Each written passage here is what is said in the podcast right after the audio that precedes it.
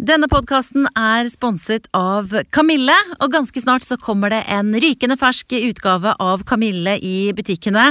Da er det selve det store høstnummeret det er snakk om, og det er stappfullt av deilig stoff om mote. Og så er denne episoden av Bra damer også sponset av Adams matkasse. Den siste uka har jeg testa en nyhet fra Adam som heter Sunn inspirasjon. Og her får du altså en hel haug med deilige råvarer og noen fine, enkle og forståelige oppskrifter som gjør at eh, selv en sånn helt middelmådig kokk som meg kan lage varierte og spennende og sunne matretter fra hele verden. Og det er sånn at jeg den siste uka har brukt um, ingredienser som lange, lyr, squash, pastinakk, mango, så er ting jeg nesten aldri har brukt i middagsretter før, uh, med god hjelp fra Adams. Resultatet har blitt, uh, ikke for å skryte, men uh, veldig godt. Og hvis du også har lyst til å teste enten Sunn inspirasjon eller en annen matkasse fra Adams, så kan du få et godt tilbud hvis du bruker koden BRA damer, altså bare BRA damer i ett ord, så får du 50% avslag på hele handlekurven på Adams matkasse.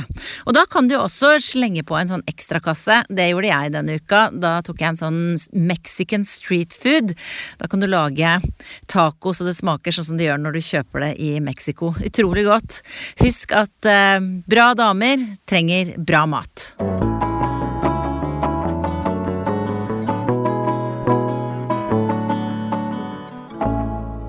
Dette er podkasten Bra damer, og i denne podkasten så har jeg altså intervjua litt over 80 damer, tror jeg det er nå. 80 stort sett eh, profilerte kvinner som jeg er nysgjerrig på, beundrer og fascineres av på forskjellige måter.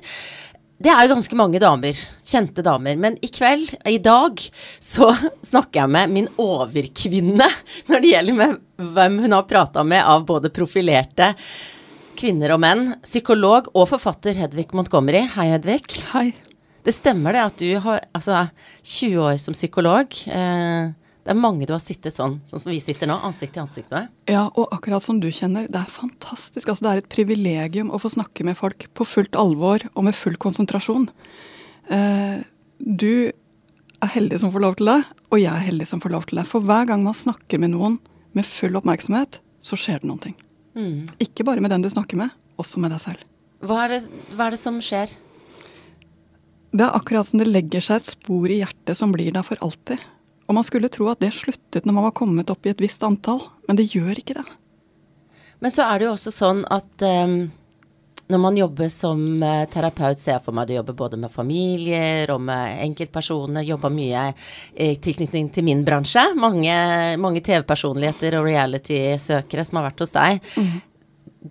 Du bruker jo på en måte mye av deg sjøl også i en sånn samtale, ser jeg for meg. Mm. Um, hvor krevende syns du det er? Altså, det, er noe, det, er ikke noe, jobb for den som vil ha en hobby. Det er ikke sånn at jeg kommer hjem og tenker det hadde vært fint med litt scrapbooking nå. Nei. Så svaret på det er nok at jeg bruker, eh, jeg bruker kapasiteten min, ja. Hvordan, eh, hvordan, altså Er det sånn noe begrensa hvor mange du orker å prate med i løpet av en dag? Absolutt. Hva er maksantallet ditt? Eh, hvis det er enkeltpersoner, så er det fem. Ja. Eh, og hvis det er familier, så kutter jeg litt. Ja. ja. Du har um, som sagt hatt mye å gjøre med Du er kanskje den fagpersonen som har hatt mest kjennskap til uh, TV-bransjen. Eh, det kommer stadig vekk innom TV 2 og snakker med oss programledere. Vi har eh, freepass fra TV 2 til å komme og prate med deg. Jeg har ikke vært i terapi hos deg, det kan jeg jo si. Hadde det gjort noe for deg? For Eller forresten, hvis jeg hadde vært hos deg og så nå skal jeg intervjue deg? Jeg kommer litt an på. Ja. ja. Jeg har vært hos dine kolleger. Ikke sant. Ja. Og det er bra akkurat nå. Ja. ja. Men, men eh, hva, er, hva, er, det som dro deg mot TV-bransjen i utgangspunktet? For det er ikke et sånt åpenbart valg som eh, nyutdanna psykolog, tenker jeg. Å nei, og det er tilfeldigheter. Mm. Ja. Eh, og det må jeg si, jeg, jeg, blir av og til spurt om planene mine. Eh, og sannheten er at livet har blitt mye bedre enn jeg hadde klart å planlegge det. Herunder også TV-bransjen. Jeg hadde ikke tenkt å jobbe med TV-bransjen i det hele tatt. Jeg jobbet som vanlig terapeut med vanlige ting. Og så hadde jeg en venninne som jobbet i TV3 på det tidspunktet. Det var i 1999, og de var inne i sin andre sesong av Robinson. Jeg hadde sagt henne noen ganger at den psykologen som de brukte, kanskje ikke var den som de burde fortsette å bruke, eh, av litt forskjellige årsaker. Og hun sa men vi er kjempefornøyd, og jeg sa superfint. Og så ringte hun til meg sent en kveld og sa du har rett, du må stille på Gardermoen i morgen, for da kommer deltakerne hjem, og da må de treffe noen vi stoler på, og det er deg. Og jeg sa det kan jeg ikke, og hun sa det kan du. Uh, og hun er uh, den type venninne som når hun sier det, så gjør du det. Uh, så jeg gjorde det og tenkte at dette skal jeg aldri gjøre igjen. Men det er noe som var helt fantastisk med å begynne å jobbe med TV-bransjen, som jeg skjønte allerede den gangen på Gardermoen. Det er at jeg får treffe mennesker som ikke kommer i terapi. Jeg får treffe folk som jeg ellers ikke får vite noe om, og som gjør at jeg blir litt mindre cocky på at jeg vet hvordan verden er. For denne verden finnes også, og den er ikke på kontoret mitt. Så det gjorde at jeg ble litt nysgjerrig og sa ja til neste runde. Og så tror jeg det som virkelig trigget meg, eh, det er fælt å si det, sier vel noe kanskje mer om meg enn det burde, eh, det var at jeg fikk så mye kritikk av andre psykologer. Fordi dette var nemlig så ille. TV-bransjen var så fæl. De utnyttet folk, det var kommersielt, folk kom til å bli mobbere, begå selvmord. Og så tenkte jeg, hvis de virkelig mener det, så er jo dette en bransje vi burde stikke begge hendene ned i. Og hvis de virkelig mener det, så burde jo alle psykologer jobbe med den. Mm. Så det trigget meg på et eller annet vis at jeg fikk motstand. Eh, så den motstanden gjorde at jeg nok ble enda mer værende. Men først og fremst er jeg dypt takknemlig for alle disse små tilfeldighetene, fordi jeg har lært meg så mye av å snakke med så mange, få innblikk i så manges liv, få innblikk i så manges drømmer. Og TV-bransjen og screeningbransjen har gitt meg en enorm mengdetrening som jeg ikke hadde fått hvis jeg hadde sittet med bare fem om dagen. Mm. Mm. Men det er jo, ikke sant, hvis du kom inn i det i 1999, på den tida fram til i dag, så har det jo skjedd veldig mye. Altså da var jo, ikke sant, eh, Robinson, Big Brother, alle de tingene var jo sånn Skjønner jo at du fikk kritikk, for det var jo helt sånn sjokkerende. Husk bare å, det er jo skrekkelig. Nå er jo på en måte Robinson sett på som familieunderholdning, og vi er på en måte eh, godtatt den type eh, underholdning. Eh, vi, mener du at vi har blitt altså, hva skal jeg si, har vi blitt sløvere, mindre kritiske, eller var vi for kritiske i begynnelsen? Uh, nei, nei, til begge deler, holdt jeg på å si. Uh, det har skjedd en stor utvikling i bransjen. Uh, det er blitt bygget opp kunnskap og lagt kunnskap sten på sten i forhold til hva som er ålreit og hva som ikke er ålreit. Altså, reality er jo bare en sjanger. Mm. Hvordan du bruker den sjangeren, hvordan du bruker det fortellergrepet, det, det er et etisk valg. Og jeg opplever nok at brorparten av norsk TV-bransje tar den etikken på dypt alvor. Mm. Men har du vært i situasjoner eh, i jobben din hvor du har tenkt dette er for drøyt, det de holder på med nå? Absolutt. Ja ja. ja. Eh, og det tenker jeg, og det må vi snakke om. Ja. ja. Hvilke ting har det vært? Eller jeg vet du ikke kan henge ut produksjonsselskap, men hva er det da som har gjort det drøyt? Går det an å si om det? Nei, det er jo noe med at det du gjør i en TV-produksjon, og spesielt i en reality-produksjon, det er å plassere folk i en situasjon som de selv ikke har valgt og selv ikke har skapt. Uh, og det er et spørsmål hva slags situasjoner som folk ikke har valgt og ikke har skapt, kan du sette et menneske i? Det er, det er et veldig viktig spørsmål. Uh, og hvis noen reagerer på en situasjon som er drøy, betyr det at de er drøye? Altså hvordan fremstiller du det som da skjer? Så dette er så finstemt og så viktig. Og jeg er veldig glad for at jeg har fått lov til å være med på denne reisen. Mm. Mm. Er det av de som kommer til deg og f.eks. da har lyst til å være med på eh, Farmen eller Robinson og må en runde innom deg for å bli godkjent, da, på en måte? Eh, eller er det det? Hvordan vil du kalle det? Jeg tenker ikke på det som godkjent. Nei. Og jeg tenker ikke på det som vurdert heller. Min jobb er å være deltakernes nesten advokat. Altså, ja. eh, er dette ålreit for deg der du står i livet ditt akkurat nå? Det kan det være godt å få et blikk utenfra på. Tar ikke alltid de beste valgene for seg selv, vet du. Eh, og så tenker jeg også at produksjonsselskapene kan tro ting som ikke stemmer. De kan bli forelsket i en idé om en deltaker, og så vet jeg at den ideen, den er bare utenpå. Mm. Dette er ikke det du kommer til å få. Eh, og da er det like greit å si at ja, nå sitter dere og lager et bilde som ikke stemmer. Enten så må dere legge bort det bildet og se hva dere har, eller så må dere finne en annen deltaker. Hvor ofte er du sier at uh, dette her uh, funker ikke? Kommer helt an på programmet. Mm. Det, er, det, er, veldig forskjell fra programtype eller program til program. Uh, hva som kreves av deltakerne, hva produksjonen ser etter. Det er stor forskjell på elleve uker og en times program. Mm. Men du, det har jo um, skjedd en annen veldig stor uh, utvikling på de Ja, siden 1999 hvor du begynte å jobbe med TV. Det er jo det at det er så mange andre plattformer enn fjernsyn. Og nå er det jo Det er jo ikke alle som har en Hedvig Montgomery å gå til, men det er jo veldig mange som likevel deler like mye eller mer eh, enn man gjør f.eks. i et reality-program eller et annet TV-program. Eh, det er jo en sånn vanvittig åpenhet på mange måter. Eh, hvordan ser du på det som fagperson utenfra? For det første så tenker jeg nok at det ikke er snakk om åpenhet, men om fremstilling. Ja, eh, åpenhet i gåseøyne. Ja. Og for det andre så tenker jeg at på ett nivå så er det fint. Det er fint at vi snakker om mer enn noen før. Uh, det er fint at enkelthistorier betyr mer nå enn før. På den annen side så ser jeg at mange betaler en høy pris for det. Uh, fordi det er ikke alltid den fremstillingen blir helt sann. den kan drive dine aller nærmeste bort fra deg fordi de ikke kjenner seg igjen den kan føre til at du viser frem noen ting som er så usunt at du, usant at du til selv til slutt Jeg tar den en gang til. Du kan vise frem noen ting som er så usant at du til slutt ikke kjenner igjen deg selv. Ja. Uh, lyver du nok om deg selv, så blir du til slutt en fremmed for deg selv. Så det er en krevende jobb å vise frem så mye som det mange gjør. Eh, og det er viktig å ha noe forankring hvor du får diskutert dette med noen underveis. For hvis ikke så risikerer du å betale en høy pris selv. Og det er jo altså det er jo fort gjort å se for seg at dette her er liksom vår folkesykdom. Da. At det er bare en generasjon som kommer til å få en sånn backlash når de da ikke klarer å holde tritt med sin egen fremstilling av seg selv? Eller svartmaler jeg nå? Uh, jeg ser faktisk en ganske stor positiv utvikling. Ja. Jeg ser at de som er 16 nå, er mye flinkere enn de som var 16 for fem år siden. Mm. Så jeg ser at vi har nok vært igjennom den første generasjonens bloggere. Uh, og der uh, tror jeg nok vi kommer i ettertid til å se at det var ikke bare greit.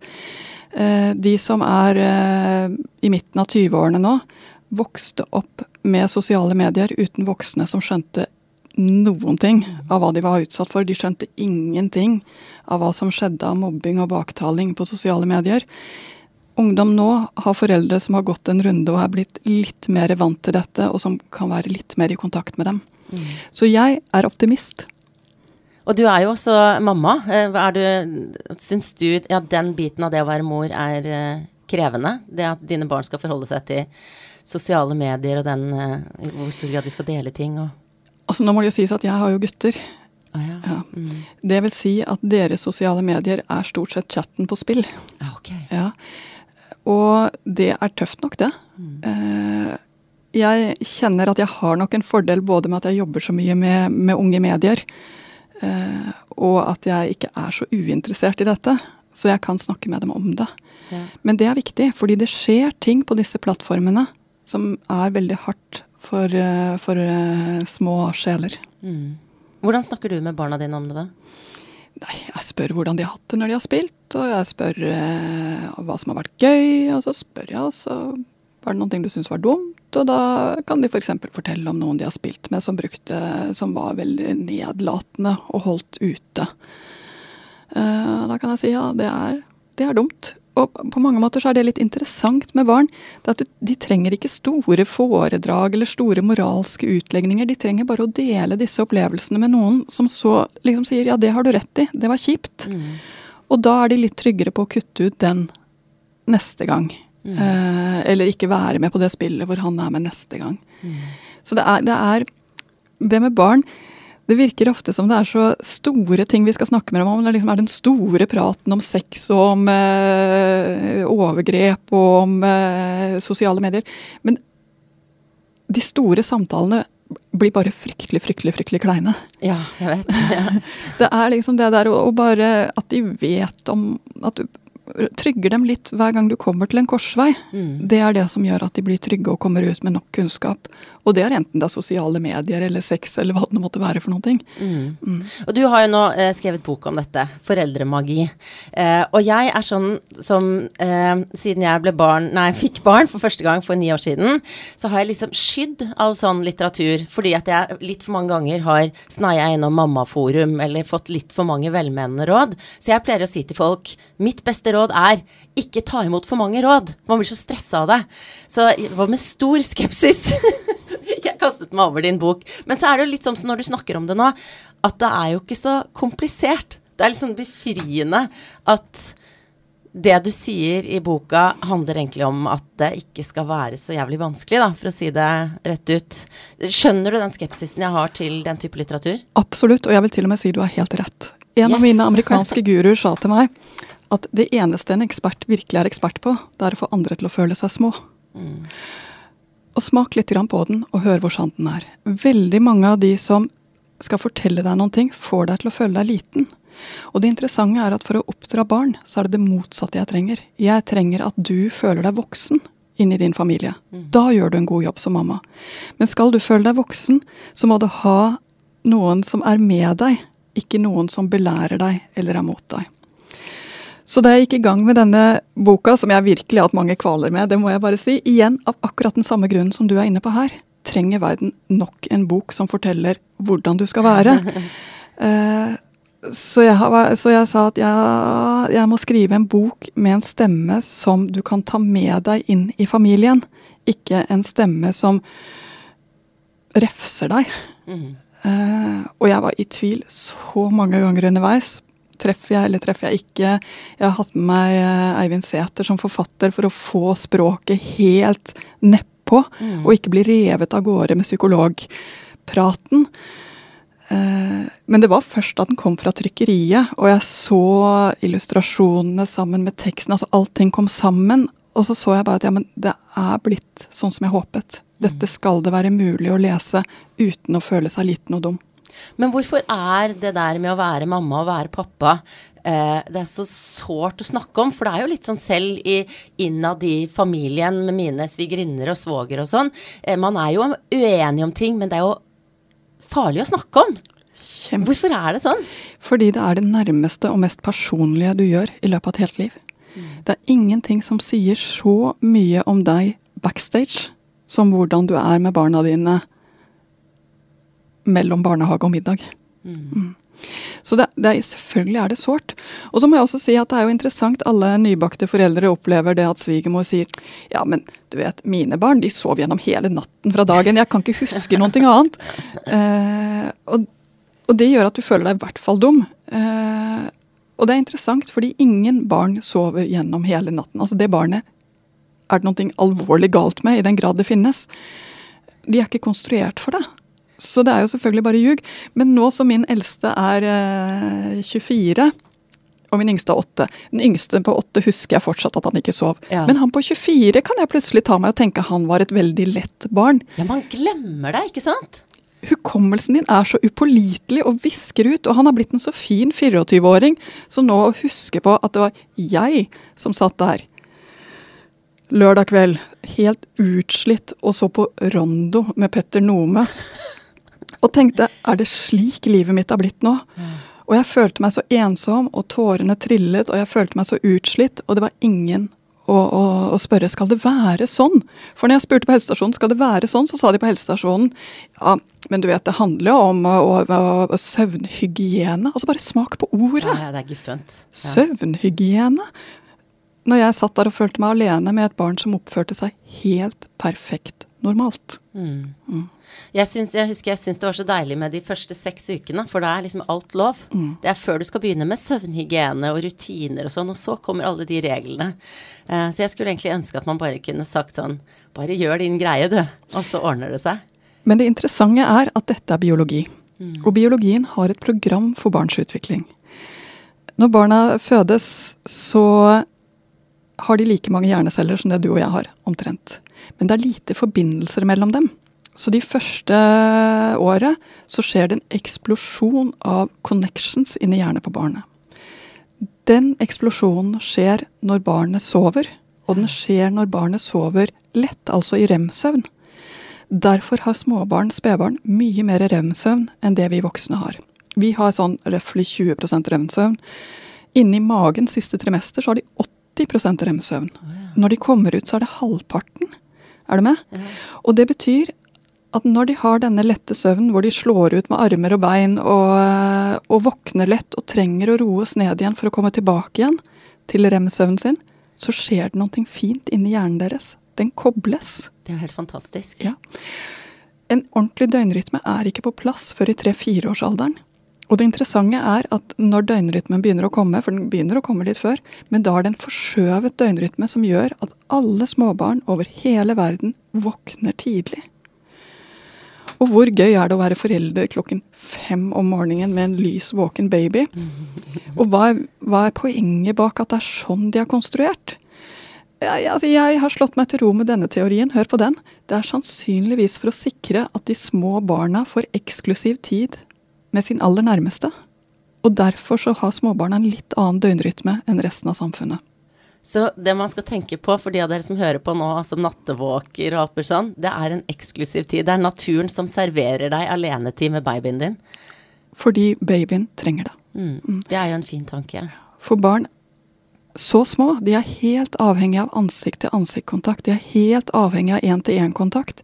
I løpet av en travel dag er det for lite av det. Mm. Selv, og i alle samfunn. Så jeg, jeg, har tenkt at det kan være en god forklaring. I hvert fall så trøster den meg litt. Ja, ja, det syns jeg er nydelig. Men du er ferdig med nattevåk nå? Ja da, men jeg må vel i sannhetens navn si at min åtteåring kommer inn og krabber inntil når han trenger det. Mm. Eh, og vet du hva? At barn kommer og fyller på med trygghet, er fint. Mm. Men du, hvordan er du da? Fordi at uh, gjerne så hører man om uh, psykologmammaer som er veldig Ja, f.eks. da hvis åtteåringen kommer inn, så husker du et eller annet uh, fra studiene tredje år som sa det at åtteåringer ikke bør Altså du vet jo veldig mye om barns utvikling. Hvor mye, jeg håper å si, hemmer det deg som mamma, eller hvordan ja, bruker du det? Der, der har jeg faktisk en stor fordel. fordi da, før jeg fikk min første og igjen, det er uh, en stund siden jeg ble utdannet, men da var man veldig opptatt av at alt kunne læres, og at læringspsykologien var den store guruen. Så hvis man bare ga belønning og straff på riktig måte, så ville du få et barn som oppførte seg bra. Så jeg hadde tenkt at jeg skulle bli verdensmester i å belønne barnet mitt på riktig måte, og få et barn som dermed oppførte seg pent. Satt stille ved bordet og spiste, ikke løp i midtgangen på flyet, osv., osv. Så, videre, og så, så jeg hadde noen tanker der. Så kom eh, han ut og da han kom opp på magen min, og jeg så på ham, og han så på meg Det bare slo ned som et lyn i hodet mitt. Alt dette er jo feil. Han skal ikke bøyes, han skal ikke formes. Han er seg selv. Og jeg må finne en måte å være med ham på som gjør at det blir bra. Så heldigvis var faktisk min første aktive tanke med baby var Ops, alt jeg har lært er feil. Oh, ja. Ja. Og det er jeg veldig glad for, for alt det jeg hadde lært, er faktisk feil. Mm. Og sånn er det jo ofte med eh, barneoppdragelse. Altså det er mange sterke meninger og eh, teorier, og så dukker det opp nye teorier. Men, men, er det sånn, er vi ferdige nå? Er det det du skriver i boka di som nå nettopp har kommet, er det liksom fasiten? Nei, altså barneoppdragelse er vitenskap, men også kultur. Husk på det. Eh, jeg skriver f.eks. lite om hvordan jeg mener at barn skal sove. Ja. Fordi det er så forskjellig fra familiekultur til familiekultur. Og det finnes så mange måter å gjøre det på. Så, og hvordan barn skal spise, akkurat det samme. Det er så mange måter å gjøre det på, og jeg er veldig lite opptatt av om du velger det ene eller det andre. Jeg er opptatt av at du skal holde en kontakt med barnet ditt som gjør at barnet ditt er trygt nok til å bli seg selv. Det er det. Mm. Eh, jeg er opptatt av at du ikke skal bli så forvirret og redd for å gjøre feil at du gjør ting som skader barnet ditt som faktisk er bakgrunnen for veldig mange av de mindre pene tingene som skjer i familier. Så jeg skal ikke si at dette er bo Dessuten så lærer vi oss nye ting hele tiden. Altså Nå har det jo skjedd noe med hjerneforskningen. Vi kan forske på levende hjerner. Vi trenger ikke å vente til vi har en død hjerne. Fantastisk. Ja, det er fantastisk. Som gjør at vi vet mye mer om barns utvikling og hjernens utvikling nå enn det vi visste for 20 år siden. Og vi er ikke kommet til siste holdeplass der. Mm. Så jeg tenker at dette er et dynamisk felt og skal være det. Vi skal inn og, og, tenke i forhold til det. Og jeg sier også alltid når jeg holder kurs, ikke tenk at jeg kommer med fasit. Men når jeg sier ting som passer, la det gå inn. Og når jeg sier ting som dere syns høres helt feil ut, hva tenker du istedenfor? Og hva betyr det? Mm. For det er den hodeløse barneoppdragelsen som er den skumle. Den som går på autopilot. Men så fort du begynner å tenke ja, sånn vil jeg gjøre det, og kanskje jeg skal prøve litt sånn istedenfor det jeg har gjort frem til nå, det er da det skjer fine ting. Du, det med barneoppdragelse er jo også litt sånn uh, sårt, fordi at uh, når man blir foreldre, så ser man gjerne sine egne foreldre med nye øyne, og så har man lyst til å være en sånn mamma så bra som mamma var, eller sånn vil jeg i hvert fall ikke gjøre, ikke sant. Og det er, jeg vet ikke om du har sett um, HBO-serien uh, The Affair. Og det er han eh, hovedpersonen der som ligger rundt og er liksom en, er sikkert både en bra og en dårlig pappa. Han sier til datteren sin på et tidspunkt at jeg har gjort mange feil, eh, og jeg har prøvd å rette opp noen av de feilene mine foreldre gjorde. Du kommer til å lære av mine feil, og et sted der, langt inn i fremtiden, så finnes de perfekte foreldrene. Er det sånn, mener du, at vi liksom retter opp, på en måte lærer av foreldrene våre? Altså, hver generasjon gjør sin feil. Det er ingen tvil om det. Og ser du historisk på barneoppdragelse, så vil du se akkurat det. Det skifter, skjer skifte hvert 20. år cirka. Ja. Uh, så vi mennesker lever aldri i isolasjon, vi lever i forhold til hverandre.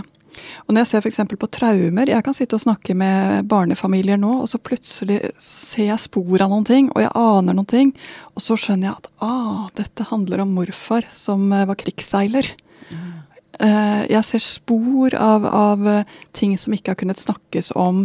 Jeg ser spor i familier som kommer frem i den lille, ganske nye familien jeg sitter med her. Jeg syns det er veldig interessant, og jeg syns vi skal ha veldig respekt for den reisen som enhver familie gjør over generasjoner. Jeg syns også det er interessant når det kommer eh, flyktningfamilier til Norge. Så forventer vi at de skal skjønne hvordan vi skal oppdra barn i Norge på et blunk. Mm. Men sånn er det selvfølgelig ikke. Dels så handler dette om kulturen og tanken rundt barneoppdragelse. Dels handler det om de mønstrene de selv har med seg, og de traumene de selv har med seg. Og så handler det selvfølgelig om de barna de har også. Så det er så mange deltakere i en barneoppdragelse. Det er ikke bare hva du kan. Mm. Og mange feller å gå i. Tenker du ofte at du gjør mye feil? Nei, men jeg, jeg kjenner jo når det er mine mønstre som, eh, som bryter igjennom ansiktet mitt og gjør ting som jeg ikke vil. Mm. Eh, men jeg vet jo også at disse mønstrene kan endres. Eh, det handler om å faktisk merke seg det. Ah, nå ble jeg jo akkurat sånn som mamma var når hun var stressa. Mm. Vil jeg egentlig det? Og hvis jeg ikke vil det, hva kunne jeg ha gjort istedenfor? Rett og slett jobbe med de der veldig raske tingene som skjer inni hodet. Det som jeg kanskje har liksom lært mest av den, eller bitt meg mest merke i boka di, er jo dette her med at ingen følelser skal være forbudt. Og det er jo også veldig utfordrende, ikke sant.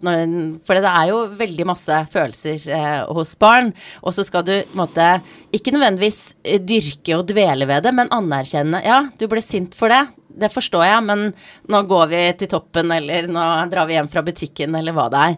Mens jeg vet at jeg har sagt mange ganger, sånn som man ikke skal da, ifølge deg og boka di, bare Du vet at du er for stor, nå er du ni år, du kan ikke stå her og gråte, ikke sant? Hva er det jeg på en måte, Nå har jeg jo blitt flinkere til det, da, mye av boka di, men hva er det jeg har ødelagt da, i min snart niåring, når jeg har sagt de følelsene skal du ikke ha? jeg må bare si, heldigvis har du jo en snart niåring. Ja. Eh, og en barneoppdragelse tar 20 år. Så ja. her har du massevis av god tid igjen. Eh, og det tenker jeg faktisk er veldig fint. Nå må jeg bare si at i alle familier, som jeg har vært i hvert fall, så er det én følelse som er litt forbudt. Ja. I noen familier så er det å være sint. Hva som helst, bare ikke sint. Ja. Så sint blir omskrevet til sliten eller eh, ja, nesten hva som helst. Vondt i hodet var jeg en familie som det ble omskrevet til. Ja. For bare ikke sint. I andre familier så er det hva som helst, bare ikke sutrete. Klaging, det er liksom ikke hos oss. Mm. Så hvis eh, noen begynte å klage, så ble det slått hardt ned på.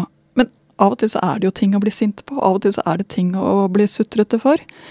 Uh, I noen familier så er det ikke lov å bli altfor glad, for så gøy er det nå engang ikke. Ja, så jeg ser jo at, at, dette har alle familier i seg.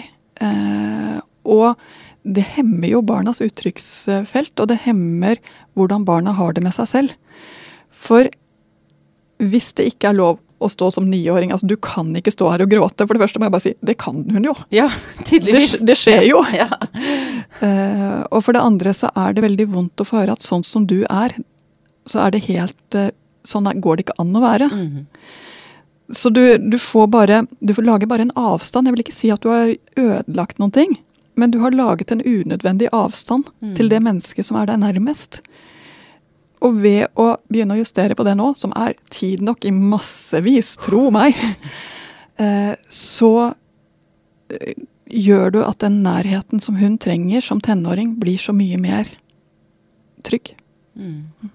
Så hun Altså, hun kan stå og grine. Og hva man, men hva skal man si da? Hva ville du sagt når du har ja, en gråtende niåring? Ja ja, og tro meg, jeg har det. Ja. Nei, da sier jeg ble allting helt feil, sier jeg for eksempel. Ja. jeg bare, bare tuner meg inn, prøver liksom å koble meg på. Mm. Tenker på hvor, Jeg har jo stått som niåring selv og kollapset i situasjoner hvor det var helt feil. Jeg husker jo det. Det, var helt, det å miste ansikt som niåring er en grusom opplevelse. Mm. Niåringer er veldig klar over at de er for store til å grine. altså. ja. Så når, når en niåring eh, kollapser, så eh, bare tenker jeg å shit, nå er du der. Ja. Sånn er det inni deg akkurat nå. Og så prøver jeg å lete frem den biten inni meg som kjenner igjen den følelsen. Og se åh, er du der akkurat nå? Og når du har fått den lille kontakten, så er det ganske lett å, å gå videre. Mm. Eh, Men du må gjøre det på ekte. Det er ikke en teknikk. Du kan ikke si 'Å, har du det sånn, vennen?' Skjønner? Nei. Ja. Eh, Du må liksom ta den lille reisen og kjenne etter at der står du. Du kjenner deg altfor stor til å grine, og tårene bare fosser. Mm. Det er kjipt. Det er en kjip følelse. At den kan jeg faktisk kjenne meg igjen i. Du har empati, med andre ord. Mhm. Mm. Er det stor forskjell på det arbeidet du gjør med barn og familier og den TV-verdenen som vi deler litt? Nei. Nei. Nei, det er ikke det. Det handler om møter. Mm.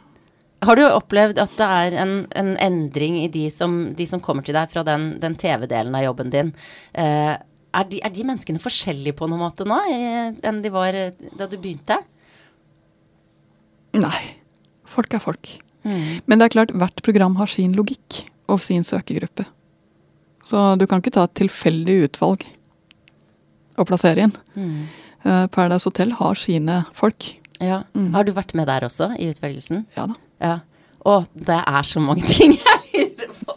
Ser du på Paradise, forresten? Du må jo nesten det, da? Ja, ja. ja. Ja. Hva slags øyne er det du da ser på? For da har, da har de vært hos deg først, så du vet alt om dem? Jeg lurer jo helt genuint på hvordan det går med dem, og hvordan de har det. Ja. Uh, og jeg ser på for å se om jeg kjenner igjen, altså har jeg gjort en god vurdering. Mm. Så jeg må bare si jeg orker ikke mer enn en halvtime av gangen. Mm. Fordi jeg ser så intenst på det. Og, og som en liksom bekymret mor, da, eller? Ja, Mm. de er mine. Ja. Og hvordan syns du Hvordan syns du det går med dem? Ja, nei, det er jo alltid litt både òg, og det er jo også en, en ting å notere seg, for hva skal jeg hjelpe dem med etterpå? Mm, Ja. Ja. For når de da kommer altså, hjem fra øya, hjem fra Paradise, ut fra gården og, altså, Da kommer alle til en slags avsjekk og debrief hos deg. Mm. Hva, er det de, hva er det som er den største utfordringen da, som eh, Når du har liksom eh, Jeg har vært på TV for første gang i ganske stor utstrekning. Hva, hva er det de på en måte sliter med, da? Hvis det er I første rekke at de er så slitne. Ja. Det er så slitsomt, og det vet du som har vært på TV. Å bli filmet er fysisk krevende. Mm.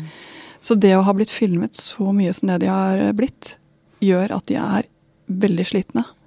Og så sitter folk her hjemme og venter på dem og tror at de kommer hjem som de har vært på ferie. ja. Og vil ha stor fest eller ut og shoppe eller sånne ting.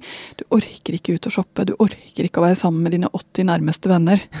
Eh, så det å rett og slett koble på forståelsen at vet du hva, nå er det der du er. Du har vært med på noe som er krevende. Nå er du sliten. Nå skal du gå sakte tilbake igjen i livet ditt.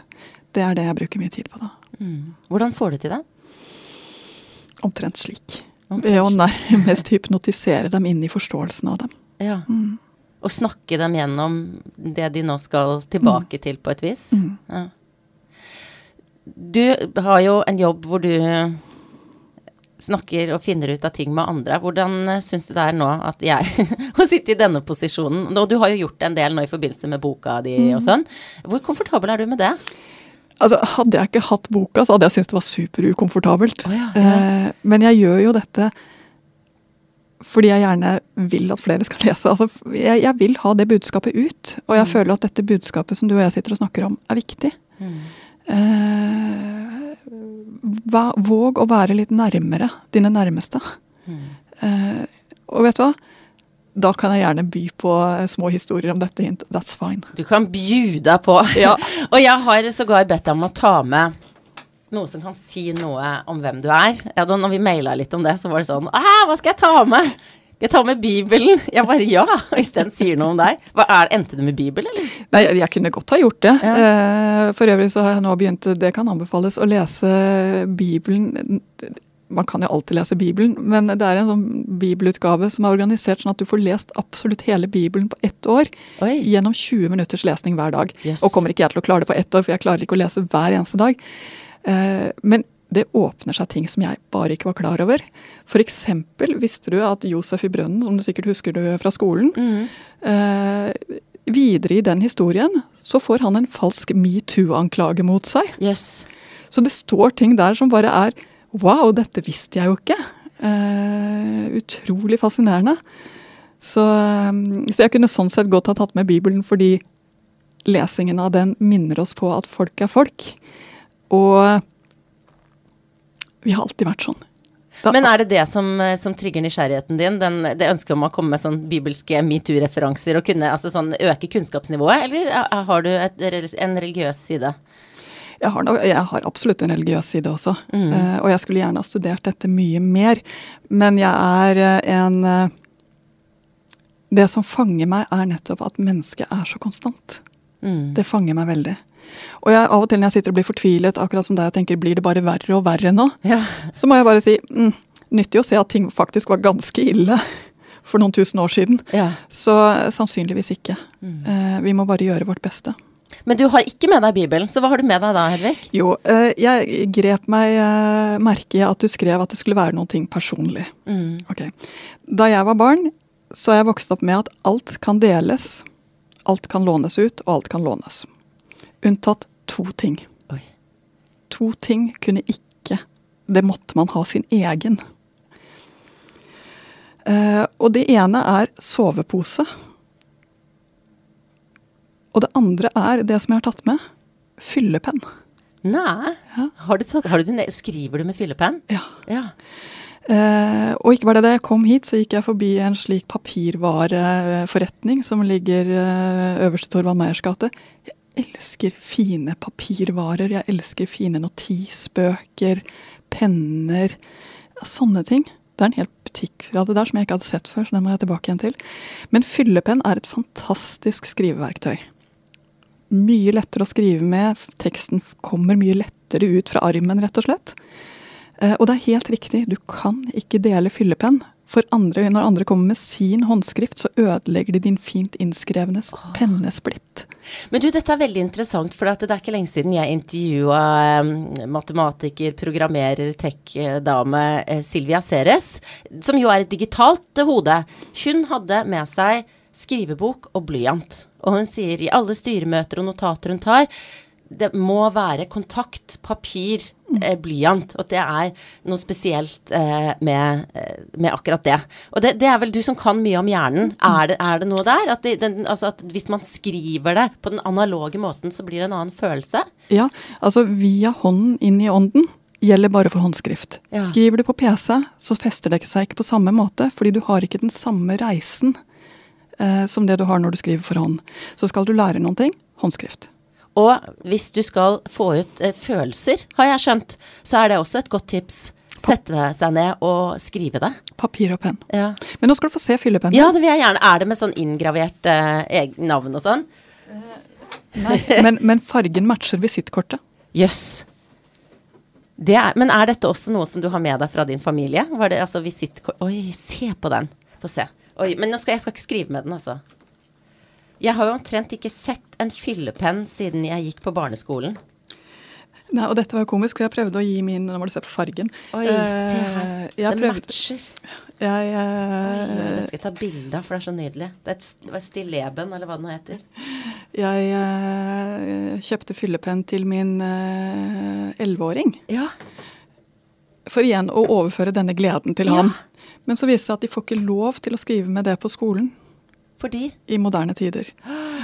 det er, har det gått tapt. Uh, ja, ting tyder på det, da. For jeg, og du sikkert også, hadde jo pelikan fyllepenn Ja. på skolen. Jeg Ja. husker det veldig godt. Ja. Men er det sånn at du skriver du dine journaler, f.eks., for hånd?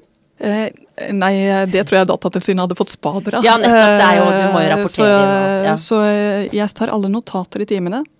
med den. Ja. Eh, og så skriver jeg inn i journalsystemet etterpå. Mm. Men en fyllepenn, altså. Jeg oppfordrer alle til å liksom gå tilbake i memory lane og prøve å huske hvordan det var å skrive med det. Kanskje til og med kjøpe seg en. Ja, kan være godt for sjela også. Du, det er eh, Jeg tror du har hørt litt på podkasten min, så du vet at jeg pleier å ha sånne, tre sånne faste spørsmål som jeg alltid avslutter med. Nå har du et rart ansiktsuttrykk.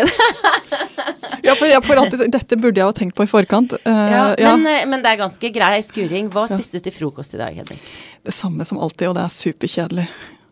Eh, og det må være det samme. Det er frokostblanding, og så er det den eh, fettrike kulturmelken. Ja. Ja. Det må være det samme. Og eh, da tenkte jeg Er vi inne på noen tvangstanker her? Nei da, men altså må du ha det samme Hvis ikke så blir du gæren, liksom. Nei, jeg blir ikke gæren, men jeg syns det er tungt å spise frokost. Ja. Så jeg syns allting annet, alt som må tygges altså Når jeg kommer på sånne frokostbuffeer på hoteller og ser det der, alt det som man skal jobbe med, så er ikke jeg der om morgenen. Jeg trenger noen ting som bare går inn. Og hvor lang tid brukte du på å finne ut eh, hva du skulle ha på deg i dag? Ja, Det er interessant, for før brukte jeg lang tid på det når jeg skulle holde foredrag, og det skal jeg gjøre senere i dag. Jeg, var veldig, at jeg måtte liksom ha et bilde av meg selv og hvordan jeg skulle Men, denne, men det er gått over med årene. Ja. Nå ser jeg inn i skapet, og så tar jeg det jeg Mm. syns ser finest ut der og da. Og du har en veldig elegant uh, hvit eh, er, det, er det jumpsuit, eller er det kjole? Nå husker jeg ikke. Det er kjole. Ja, en kjole. Eh, Og perlesmykke. Og jeg må si, det passer veldig til fyllepennen. På mange måter så er- føler jeg at hele ditt vesen er Og dette altså, er på en måte litt sånn fra en svunnen tid. Hva kjenner du deg igjen i den beskrivelsen av ditt, ditt, av ditt ytre? jeg må jo si at uh, helten i mitt liv Ja. er min mormor. Ja. Hvordan var hun? Hun var hverdagsglamorøs. Og jeg drømte i min barndom på 70-tallet, som var alt annet enn hverdagsglamorøs, med sånne harde olabukser som jeg arvet etter mine brødre. Jeg drømte om uh, tyllkjoler og franske vinduer. Jeg drømte om det vakre i hverdagen. Og jeg sverget på at jeg ikke skulle gå i bukser som voksen. Og det gjør jeg ikke så ofte heller. Nei. Nei. Og føler du at du har med deg mormoren din i ja, måten du går kledd på her? Mm. Mormor er med. Ja, gud så herlig. Når hadde du sex sist? Ja, det må jeg bare si. Nå har både jeg og min kjære vært bortreist. Så det er lengre siden enn jeg liker. Ja. Ja. Er det, er det noe du eh, spør dine pasienter om? Jeg hadde ikke stilt spørsmålet på den måten. Nei. Men sex er veldig viktig. Mm. Eh, ikke som sex, men som kommunikasjon. Eh, sex er i et parforhold nærhet, og det er en måte å vise hverandre eksklusivitet og bekreftelse på uten å snakke det i hjel. Og som du sikkert har skjønt fra boken min, jeg er veldig glad for alt som gjør at vi slipper å snakke ting i hjel. Det Ja. høres litt rart ut. altså Det er mange som sier 'å, du snakker vel om alt, du som er psykolog'. Det er veldig mye jeg syns det er lurt å holde på et annet nivå enn snakking. Eh, og jeg tenker at det er grunnen til at vi driver med sex. Skulle vi bare laget barn, så kunne vi bare ha gjort noen ganger, liksom. Uh, men sexens funksjon i et parforhold er faktisk nærhet.